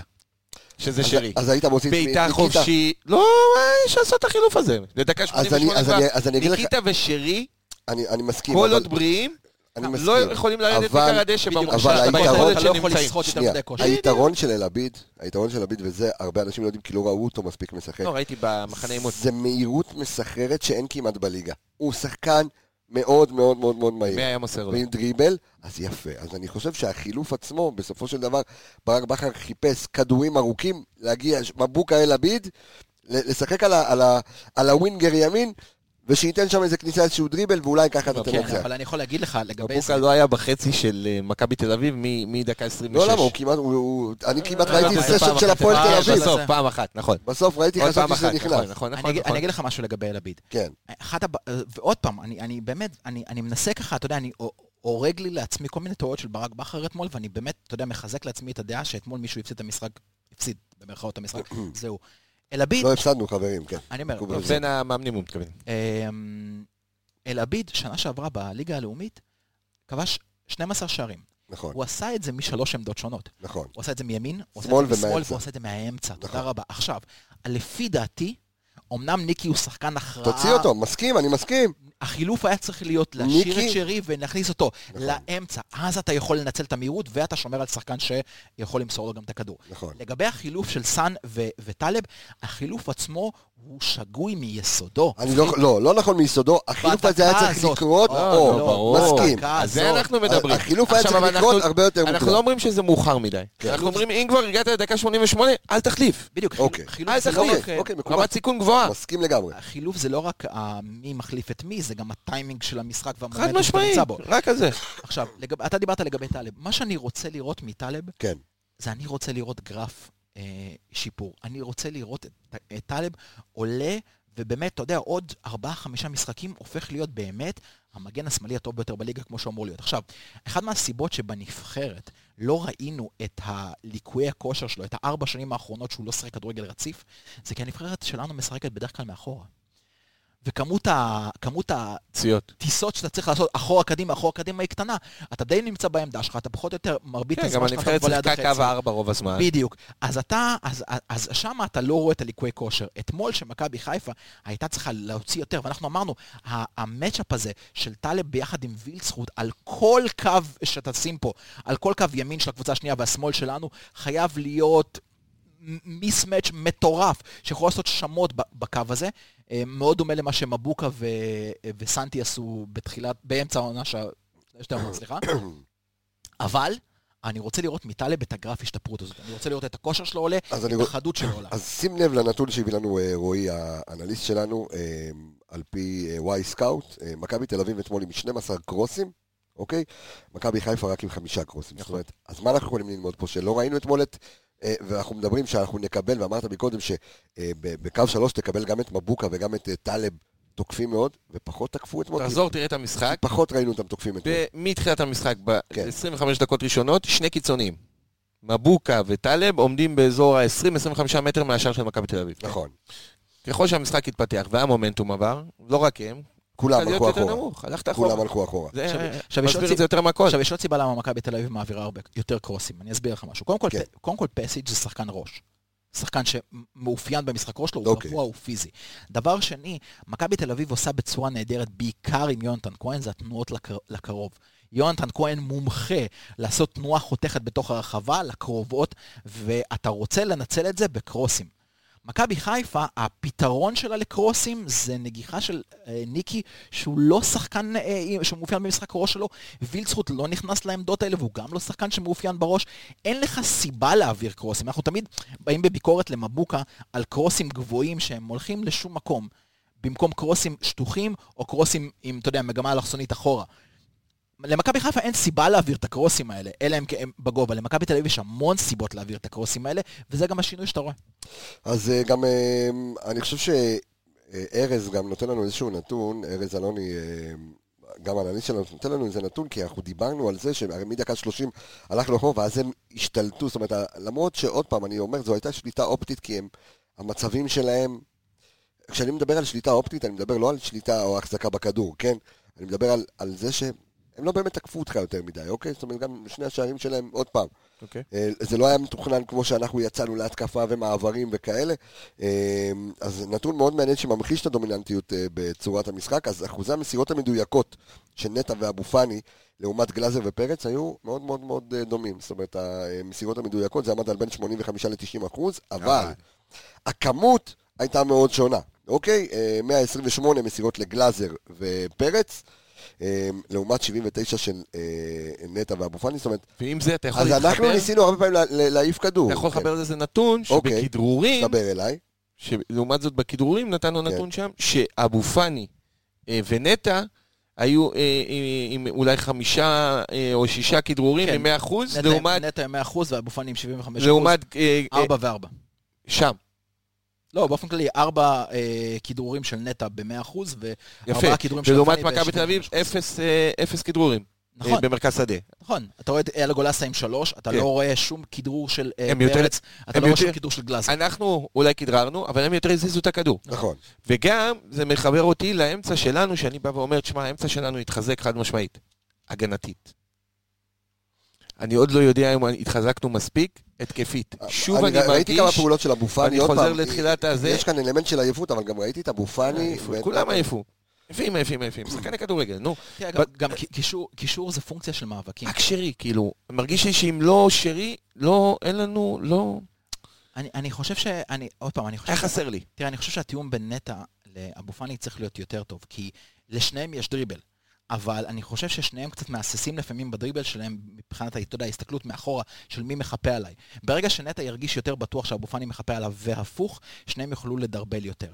עכשיו, מרכז המגרש, אתה גם רואה על פי כמות המאבקים. שים לב, מאבקים במרכז המגרש. אה, דן גלזר עם 14 מאבקים, כן. אייל גולסה עם 17 מאבקים. נטע עם 24, והשחקן הבא שלך שמוביל במאבקים זה פלניץ'. נכון. זאת אומרת שהכדור זז כבר מאמצע המגרש יותר לכיוון שלך. ככל שאתה מעלה את כמות המאבקים, ככה אתה גם מעלה את פוטנציאל הטעות של כל מאבק. פנטסטי. עכשיו, אם אנחנו מדברים על ה... ואנחנו מדברים על האמצע, אה, ואנחנו מדברים עד כמה... אה, ואני מסתכל, כי אתמול אה, חזיזה ואשכנזי, חזיזה שיחק 29 דקות, יובל אשכנזי 20 דקות. עד כמה ציפית שהם ישנו את מהלך המשחק מאוד, והתאכזבת מזה שלא? מאוד, מאוד, מאוד. קודם כל שמחתי לראות את החילופים האלה, אני חושב שזה היו חילופים טובים, בדקות טובות. אלה שחקנים שהאמנתי שייכנסו וישנו ישנו מומנטום משהו? במשחק. קודם כל שהביאו קצת... למרות שהמומנטום חזר אליך בעשר דקות האחרונות, הוא לא חזר אליך, הוא פשוט התייצב, הוא לא הלך ירוק, הוא אוקיי. לא הלך צהוב. גם- הוא גם הוא העייפות- די התייצב, כן. דיברה. אבל ציפיתי גם ב- ב- ב- במנהיגות קצת, ב- ב- בערך המוסף הזה של חזיזה, ב- אתה יודע, בטירוף הזה שהוא מכניס. כזה מאוד, אתה יודע, על מי מנוחות, מאוד רגוע, לא, לא הביאו איזה בשורה מבחוץ, לא הביאו איזה טירוף מבחוץ, לא הדביקו את השחקנים ממשהו, לא... אני חושב שזה, אני חושב שזה אינדיקציה לעובדה שגם יובל אשכנזי וגם חזיזה התרגלו להיות שחקני הרכב. חד משמעית. חד משמעית. במיוחד... אה, התפקיד אה, הזה לעלות, במיוחד אשכנזי, התפקיד הזה לעלות מהספסל זה שינוי מנטלי ששחקן צריך לעשות. אין לי ספק שיובל אשכנזי ידע לעשות את השינוי הזה. אין לי ספק. יובל אשכנזי זה אחד חזיזה אתה השחקנים... חושב פחות? אני חושב, קודם כל יותר צעיר. דבר שני, הוא שחקן שבאופי שלו, הוא שחקן שבא מהתלהבות. אם תיזכר בפרק שעשיתם איתו, הוא שחקן שכל הזמן מחפש את הריגושים במגרש נכון. בשביל להדליק את עצמו. בעיקר שאין קהל. בעיקר שאין קהל, אתה חייב על הפעולה הקטנה הזאת שמצליחה לך ואתה מדליק את עצמך. חד משמעית. יובל אשכנזי הוא שחקן מאוד מאוד מאוזן. שנה שעברה הוא היה שחקן הרכב, mindset משתנה, שחקן הרכב, זה מה שאני צריך לעשות. השנה הוא שחקן אה, שיותר עולה מהספסל, mindset משתנה, תן לו משחק שתיים, הוא ידע להתרגל לסיטואציה. חזיזה, אני קצת יותר חושש, וכן, אני מסכים איתך שציפיתי ממנו בכניסה שלו, ציפיתי ממנו קצת לבלגן את הדברים, קצת להכניס יותר, יותר התלהבות, קצת יותר, אתה יודע, תנועה, לרוץ, לרדוף אחרי כדור, להקשות על הדברים, לא ראיתי את זה, ואני זוקף את זה למנטליות. חמישה חילופים עשית אתמול? אה, מלבד הטעות של עופרי ארד, לא הרגשת בכלל שהיו חילופים. אף אחד לא הביא זה... נכון. כלום, נכון. לא הרגשת שום דבר. מנגד, אה, חילופים שכן עזרו שם, זה היה קנדיל, וזה היה יונתן אה, יונתן כהן. כהן, ש- שהפכו את המשחק. כן. הפכו את המשחק, חד משמעית. נכון. הפכו את המשחק. גם פס, גם פסיק, זאת אומרת, אז. על אף העומק שיש... הנוכחות. לא, אני אומר, אז על אף העומק שיש לך, אז אתה אומר, זאת אומרת, מה זה על אף? אני לא מתלהב מהעומק שלו. לא, בסדר, אני אומר, זאת אומרת, החילופים אתמול, גם כשהיו, לא הועילו, הם לא הועילו בגלל הזמן שלהם, לא, לא. או לא הועילו, לא, בגלל לא השחקן. משנה באיזה לא דקה הם היו. נכנסים. לא, לא, חזיזה ואשכנזי אתמול לא נכנסו למשחק, חד משמעית. היה להם מספיק זמן. כזה משחק, 30 דקות, במצב שהמשחק היה, אה, ציפיתי מהם לשנות מומנטום. דיברנו על, גם ברק דיברנו. על קנדיל ויונתן כהן ששינו מומנטום, גם פסיץ', ההבדל הגדול בינינו לבין גררו זה שפסיץ' מושך המון המון תשומת לב אליו. גם בגלל הממדים שלו, גם בגלל הפוטנציאל שלו, כי אנחנו יודעים מי זה השחקן הזה, הוא מושך עליו המון המון תשומת לב. בדרך הזאת הוא גם מפנה שחקנים אחרים. זאת אומרת, גם, גם לכניסה שלו יש השפעה מאוד מאוד מאוד רלוונטית למשחק. אה, שוב, זה עוד פעם, אני חוזר לחילופים, ואני חוזר לפרסונל שנכנס למגרש לעומת מי שיצא. אני חוזר לדקות החילופים של דוניס לעומת דקות החילופים של בכר. מי נכנס, באיזה מערך ואיך הוא השפיע, ואני אומר, יש פה, לצערי, כן, כן, כן. לכל אוהדי מכבי חיפה, ניצחון של דוניס על בכר באספקט הזה. רגע לפני שאני עובר אה, ל- להתקפה, אה, יש נת... ורגע לפני שאני עובר להתקפה, ואני אה, אדבר על הפנדל שהיה או לא היה, אה, כי אנחנו 53 דקות בפוד ולא דיברנו עדיין על הפנדל, אז כנראה שיש כאן חילוקי דעות, אבל יש כאן נתון אחד שאני שם על השולחן, שהוא ככה כתוב לעיני כל, ואני שואל אם הוא צריך להגיד משהו, כי זה נתון שאני הרבה זמן לא זוכר אותו, אוקיי? מעבר לעובדה שאנחנו אה, איימנו למסגרת אה, עשר פעמים, מהמם. אוקיי? אה, ו... ו... סליחה, איימנו... כן, לשער? אי- לא, איימנו, איימנו, וכן, איימנו לשער עשר פעמים, אבל שש שש. מתוכם למסגרת, אה, שזה יותר ממכבי תל אביב. לא זכינו בקרן אחת. אני לא זוכר את מכבי חיפה אפס קרנות. עם אפס קרנות. כן, מכבי תל אביב עם, אה, עם ארבע קרנות, עם אפס קרנות. מה נתון כזה, על מה נתון כזה מעיד? זה מוזר מאוד. אתה רוצה שאני אקח את אני זה? לא רגע? זוכר, כן, כן, בטח. אני, אני לא זוכר, אני לא זוכר את מכבי חיפה, אני לא, לא זוכר משחק כזה ש... מכבי חיפה שנה שעברה הייתה מובילה בקרנות. נכון. עכשיו אני אגיד לך עוד משהו, אני לא יודע אם זה אסטרטגיה של מכבי תל אביב, או פשוט, אתה יודע, לשחק לו קלף.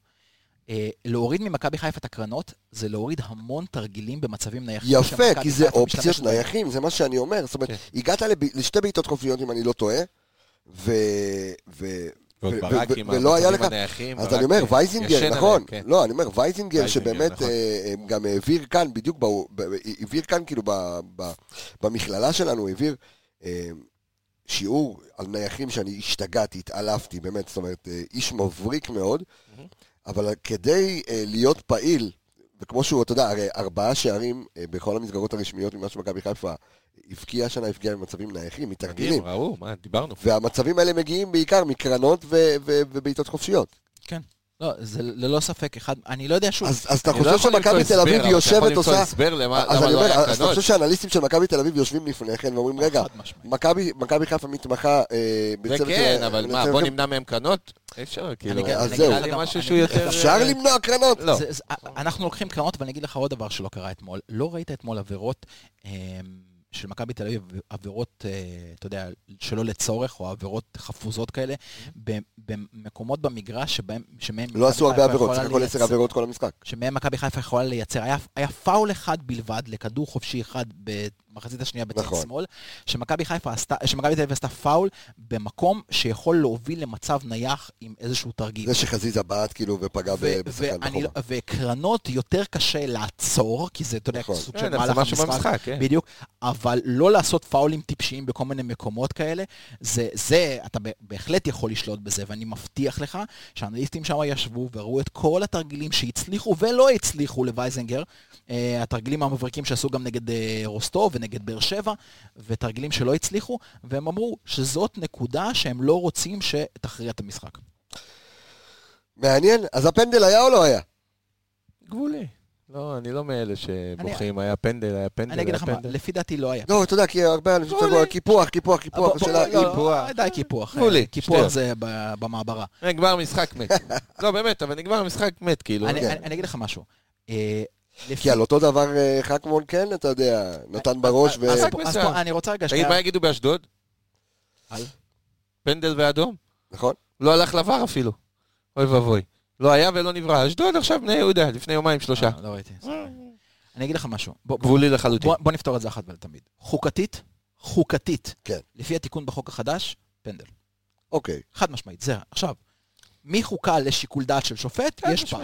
אבל, אבל הוא גם לא הלך לראות בשביל לתת שיקול דעת, זאת אומרת. השופט המסך לא, יושב... השופט מסחר אמר לו. אבל אני כן חייב להגיד לך דבר כזה. אה, השינוי חוקה הזה הוא שינוי חוקה שאני מאוד מאוד מקווה שהעונה הזאת הוא נכנס, ניסיוני, אוקיי. אני מאוד מקווה שיעוף בעונה הבאה. כי זה חוקה כל כך אה, לא, לא הוגנת כלפי משחק ההגנה, אתה כאילו צריך לכרות לעצמך את הידיים, שגם אם אתה ממש מנסה להגן על עצמך, גם אם אתה ממש מנסה להגן על הידיים שלך וזה פוגע לך איפשהו באזור פה, זה עדיין נחשב שכאילו הרחבת את, את, את, את אה, מפתח הגוף וקיבלת פנדל. הדבר הכי מצחיק שקרה, במשחק נגד טוטנאם, במסיבת עיתונאים, שאלו את מאט דוארטי לגבי הנושא הזה, אה, לגבי החוק ולגבי עבירות של יד ברחבה כתוצאה מפנדל. הוא אמר, אני חושב שהחוק הזה, הזה לא טוב ואנחנו ננסה להיזהר. מה קרה בארבע אחת? מכבי חיפה קיבלה פנדל על יד של נכון. מאט דוארטי. נכון. אתה מבין? זה חוק לא טוב. אנגליה, בכל הפרשנויות, בכל הפרשנים, הפרשנים של ליברפול ומנצ'סטר וסיטי, כולם מתלוננים על החוק הזה, זה נכנס השנה. אני מאוד מקווה שזה גם יעוף באותם, באותה מהירות, אבל עוד פעם, בואו, נ- לכל מי שצופה בנו, חוקתית, פנדל, שיקול דעת, הוא שיקול דעת שחייב ללכת עם השופט, ולפי דעתי לא היה צריך לשאול. קודם כל, אז ברכות אה, לניקיטה רוקאביצה שנכנס אה, לרשימת אה, גדולי כובשי השערים בכל הזמנים של מכבי חיפה עם 50 שערים, הבן מה זה? אדם כובש... איזה מספר? מה זה? איך? איזה מספר הוא? אני לא יודע, אבל עוד כמה שערים הוא מה יתחיל זה לעבור את... הזה, אה, תגיד, בנגיעה. מכונה. מה זה? קודם כל, כן, שער. נפלא, מכונת שערים, ואני חושב שאם הוא. ממשיך שנה כזו במכבי חיפה עם אותה זה, הוא יכול, אתה יודע. הוא הוא יכול, לא, לא לשבור שיא, כן, זה היה ארמני עומד על יותר מדי, אבל אה, לא, כן... לשבור לא לשבור את. אבל לתת עונה כמו שהוא נתן כן. עונה קודמת. אה, טפו טפו טפו כמו שאנחנו אומרים. ולפתוח ככה את העונה הזו, זה פנטסטי, ואני חושב. שהשאלה עד כמה באמת אתמול הרגשנו שאין למכבי חיפה עוד אה, חלוץ. זאת אומרת... אתה לא יודע. כל הזמן מרגישים אבל. כל הזמן מרגישים. אבל מצד לא שני- רק בפנים, כן, גם מצד בחוץ, לא חבר'ה. יודע. כל הזמן מרגישים, וכשתרצה שנעשה איזה סיכום, זה יהיה חלק מהסיכום שלי. אבל אני לדעתי, זה הס- אנחנו כן. מתחילים סיכום. אז כל, אז כל הזמן מרגישים. ואני, ואני חוזר לנקודה הזאת, ואני רוצה שקצת, בואו בוא נרד קצת ל- לפרופורציות. והמשחק הזה היה טוב לרדת קצת לפרופורציות לכל, אה, לכל אה, האוהדים שלנו. הולכת להיות עונה ארוכה, והולכת להיות עונה אה, קשה, וראינו גם אתמול שיכול להיות לנו עכשיו אה, קצת אה, אה, משהו מעורער ב- ב- ב- ב- בעמדת השוער, וחסר לנו עדיין ת- תיאום בין הבלמים. בהגנה, והאמצע נכון. שלנו אה, לא דוחף מספיק, ואנחנו די בנויים במשחק ההתקפה יותר על שרי, ואני אחזור אני לנתון חושב- אני- שפספסנו אני חושב ש- אני חושב שאם היית מפתח פוגש את מכבי תל אביב... אחת. לא. ככה הוא קורא פה. אה, אחת מדויקת, מסירות מפתח. אחת מחמש, נכון, לעומת אחת מחמש, צודק. חמש מש- שבע, חמש משבע. של מכבי תל אביב, חד זה משמעית. נתון שגם אי אפשר לזנוח, נכון. שחסר. מסכים מאוד. כן, אבל קשה לי מאוד להסתכל אפילו על שני הגולים שלנו. קשה לי מאוד לראות את המשימה, המסירה של ניקי לשרי לפני שהוא נכנס לרחבה, ואת המסירה של שרי לניקי לפני שהוא בעט.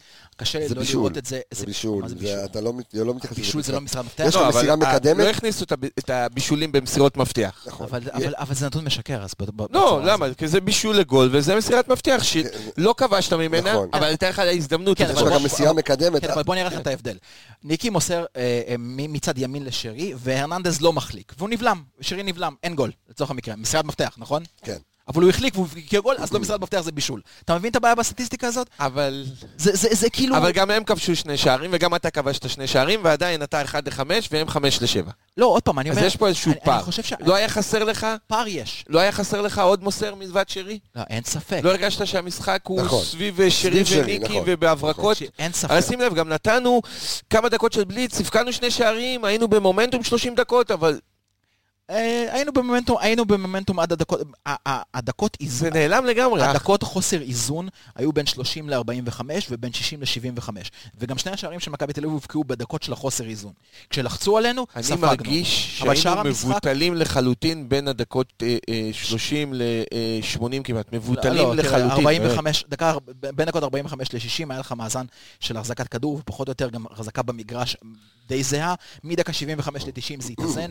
מדקה ראשונה עד דקה 30 היה לך 60-40 ב-0 עד 15 ו-57-43 ב-15 עד 30. מהרגע הזה, בדקה 30 שהתהפך המשחק, או שוב, לפי דעתי עם- הצהוב של רודריגס, עד דקה 45, עד שספגת 4-3 וירדת למחצית, ובדקה 60 75 בוא נגיד שמו את שמ-60 הפרס, מ-60 ספגו את עד ה- 75, בין דקה שם 60 הוכרע ל-75, שם היה לך אה, 80-20 למכבי תל אביב, והתאזנת חזרה אחרי בזמן- שנה בזמן- 50-50. בזמן אבל- זה מחזיר לנקודה אבל של אה, אלכס. זה- זה בזמן החילופים שלהם, וזה בזמן החילופים. הלא טובים שלנו. אני חושב אני חושב שלסיכום משחק... אה, שנייה, אני רוצה כן. רגע לבעיה של כן. האלטרנטיבות. תראה, אתה לא יודע את האלטרנטיבות האלה עד שאתה לא רואה אותן. שחקן כמו דוניו, או שחקן כמו אלביד, הם שחקנים שיכולים להיות סופר, או סתיו נחמני לצורך המקרה, הם שחקנים שיכולים להיות סופר יצירתיים, יכולים להיות, הם יכולים להיות ההברקות. ראינו שחקנים צעירים שמגיעים מלמטה, ופתאום נותנים עונה טובה. אני אתן לך דוגמא את עלי מוחמד, שהגיע מהליגה הלאומית ונתן עונה מדהימה בנתניה, כי הוא קיבל את ההזדמנות. מכבי חיפה בכל השנים הרעות שלה, מפספסת שחקנים צעירים בלא לתת להם את ההזדמנות. אתה לא יודע אם דוניו יכול להיות מחליף טוב לרוקאביצה, אתה לא יודע אם אל- אלביד, אלביד יכול? להיות מחליף טוב. אה, יפה. אז פה... העונה ארוכה, אנחנו רק מחזור שלישי, למה, אתה רואה את אמרת. דוניו משחק במקום רוקאביצה? או לא יודע במקום רוקאביצה, אבל הוא יכול לשחק במקום אה, ווילסקוט, אתה הוא יכול לשחק או אתה גם... סתיו יודע מה? ב- נחמני, או... אני אגיד לך משהו. הלוואי, לא, אני אגיד לך משהו. הלוואי. לגבי המשחק אתמול. נושא תפילה. אני לגמרי רואה חילוף בדקה 75. במשחק אתמול, אני מדבר איתך ספציפית על המשחק אתמול, של דוניו ב, אה, בניקי לשחק, לתפקיד של השפיץ, שהתפקיד יותר של דוניו מאשר הצדדים, אוקיי. ושחקן עם מהירות, כי מהירות יש לו, את זה אנחנו יודעים, שיכול הרבה יותר להטריד את ההגנה. הלוואי. אז אתה לא יודע את זה עד שזה לא קורה. הלוואי. ברק הגיע לקבוצה אה, מעולה, מעולה מקצועית ומעולה מאורגנת אה, חברתית. הוא צריך להביא את הערך המוסף שלו, הוא צריך להביא את המצוינות הזו שלו, את ה-upgrade. את ה- את ה- ה- ה- ה- הדרך שלו להגיע להישגיות שלו ושל הצוות שלו, אה, אני מאמין מאוד בו ובצוות שלו שהם יביאו את זה, אבל זה הערך המוסף ש... אגב, לא ציפיתי לראות אותו אתמול, כן? זה הכל נורא מוקדם. כן. אה, שאני מאמין שהם יבואו ויעשו לידי ביטוי. אני, בסופו של יום, בסיכום, מאוד אה, אופטימי. עם זאת, חושב שיש עוד המון המון המון עבודה. יש עבודה, אין ספק. המון המון עבודה קשה. אה, שתי מילים, ניהול סגל. ברק בכר חייב להביא למכבי חיפה ניהול סגל. משהו שהוא התמחה בו בבאר שבע, משהו שהוא התמחה בו בקריית שמונה, לדעת לשמור שחקנים שיושבים על הספסל. והתמחה בו עוד עם כוכבים. בדיוק. לא עם שחקנים פה שאתה יודע, מליקסון וברדה ואוגו? ואובן. ערימות אגו היו לו שם. ניהול סגל זו בדיוק המגרעה של, של בלבול, והייבוש שחקנים הזה, ואתה יודע, השאלה, השאלה הלא ברורה הזאת, כמה באמת הספסל שלך טוב, כמה באמת השחקנים האלה מוכשרים, אם אתה לא נותן להם, נותן להם פירורי לחם. וברק בכר חייב להביא למכבי חיפה את ה upgrade הזה של ניהול סגל, שזה אגב משהו שמכבי תל אביב עושה בחמש, שש שנים האחרונות בצורה כמעט, כמעט מושלמת. אפשר לסכם רק על זה, כי הוא הכניס את בלבול, אתה יודע. תעשה סיכום. יש לי קצת, לא, רק קטנה, יש לי כן. משהו עם בלבול, אין מה לעשות. בסופו של יום, per משחק אתמול, אה, אם אתה עוצם את העיניים, לא הרגשת מי עומד על הקווים. מסכים. מסכים? אני, אני הרגשתי ברבע שעה האחרונה, מאוד הרגשתי שזה ברק בכר. ברבע שעה האחרונה. אה, האחרונה. אה, חשבתי אתה מדבר על הרבע... לא, אתה הרגשת ברבע שעה האחרונה שזה בכר ולא הראשונה, בלבול? הראשונה. הראשונה. ראשונה. ראשונה. עיני, איזה זיכרון יש לכם אתם, תאמינו לי. הרגשתי ברבע כמה שעה. דרסה מכבי חיפה עונה קודמת. לא עניין של לא דרסה. את מכבי תל אביב. הסתכלתי על שיטת... רק לא את מכבי תל אביב, וגם במשחק הצמוד. מה שעשה, הקרנבל. שהוא עשה ב-20 דקות הראשונות, 25 דקות הראשונות בכר, זה היה אה, אה, הברקות שאין למאמן כמו בלבול. בלבול מאמן מצוין. לא, לא עניין מוריד של זה. הברקות. כן, אבל זה היה ככל ש- הברקות שלו, ככל תפקודים. זה שהמשחק- הברקות של ניקי ושרי. דיברתי, דיברתי על הזה, אבל שוב, אבל זה יותר הברקות של ניקי ושרי, לא? אז אני אומר, אני יכול לסכם את זה שאנחנו בסך הכל מחזור שלישי. חד משמעית. אה, עם הפרש של 4 נקודות ממכבי תל אביב ומשחק חסר. אה, אנחנו יכולים להיות גם בהפרש של 7 נקודות ממכבי תל אביב. ושבע, ואנחנו גם יכולים לנצח אותם סיבוב הבא במשחק שיהיה. בדיוק. ואנחנו קבוצה שנתמודד פה עד. הסוף, וצריכה להיות יותר טובה ממנה, וצריכה ללכת עד הסוף ולקחת אליפות, חד משמעית. כן. יש משהו שאני יכול רק לקוות, ורק רק להחזיק אצבעות בשביל שזה יקרה. אני מחכה למשחק שבו אנחנו נקבל משחק נגד מכבי תל אביב, שהכל סבבה. אין אין לך. חודש, לא, אה. אין חודש קורונה, אין קורונה, אין אין. נטע לביא באדום. אח שלי. אה, זה לא קורה אף פעם. כולם. סת... לא, אבל... אח, אבל כולם. כן. אני- כולם, אבל כולם, פוגע זה- בכולם. זה מרפי כזה, תסתכל סטטיסטית. שמכבי חיפה בשנים האחרונות אף פעם לא מגיעה נגד מכבי תל אביב בצורה אופטימלית. בוא נגיד שגם מכבי תל אביב לא הגיעה אליך בצורה אופטימלית. אה, פוגע בכולם, אח שלי, פוגע באר בכולם. שבע. אם אבל- אתה פוגש... והם היו עם כמה חולי קורונה, והבריאו, וזה... כן, אבל אם אתה פוגש את מכבי תל אביב אחרי המשחק נגד טוטנאם, בכושר ובחדות שהקבוצה משמעית, הייתה היית מפרק. מפרק. חס- חד חד משמעית. שאתם עם המפרק, יאללה, אתם... חברת פירוק מפרק. והרכבה. אני רוצה להגיד. תודה רבה. היה מאץ' יותר טוב, לא מפרקים, לא מפרקים כל כך מהר. אלכס מילוש, עידו שטראוס, איזה כיף על אה, כן, פרק אה. מסחרר, אנחנו נהיה בעוד פרק אה, ביום חמישי הקרוב, אני רוצה להגיד תודה רבה לכל מי שהאזין לנו, לכל מי שצפה בנו, אני רוצה להגיד תודה רבה לכל האנליסטים סביב התוכנית הזו, לאייל גבאי, לארז אלוני, לדור וייס, לכחל סיוון, ללירון אינפרגן, לסמי פפיסמדוב, עומר איילון, ערן יעקבי ורועי שפיטלניק, חברים, אנחנו אה, נשתמע בפרק הבא, להתראות, ביי ביי.